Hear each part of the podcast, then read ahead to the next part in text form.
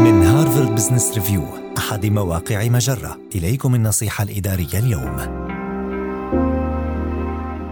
مكان عمل يتسم بالإنصاف من خلال تقليل الانحياز في عملية صناعة القرار. عندما يتعلق الأمر بالقضاء على التمييز في مكان العمل فإننا غالبا ما نركز على القرارات الكبيرة مثل تلك المتعلقة بمن ستتم ترقيته أو من سيحصل على أكبر مكافأة بينما نتجاهل القرارات الأصغر. لبناء مكان عمل يتسم بالإنصاف حدد المواقف التي ربما لم تفكر فيها على أنها نقاط اتخاذ القرار. ابدأ بمراجعة معايير الأجور والترقيات والأداء. ما هي المهارات والمعارف والخبرات التي يحتاج إليها الموظفون؟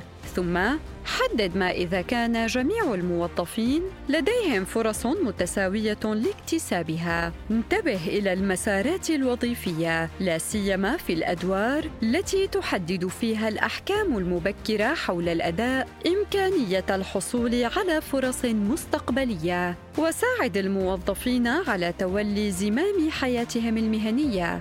فأحيانا تظهر التفاوتات أو تتفاقم بسبب عدم معرفة الموظفين بالفرص التي تعد مهمة. على سبيل المثال، سيحتاج المصرفي الاستثماري المبتدئ الذي كان أول من يتخرج في الجامعة في عائلته إلى توجيه أكثر من شخص كان والداه مصرفيين. لا تتوقع من الموظفين أن يكتشفوا ذلك بأنفسهم، بل قدم المشهور إليهم بشأن ما سيحتاجون إلى تحقيقه. على وجه التحديد في غضون خمس أو عشر سنوات.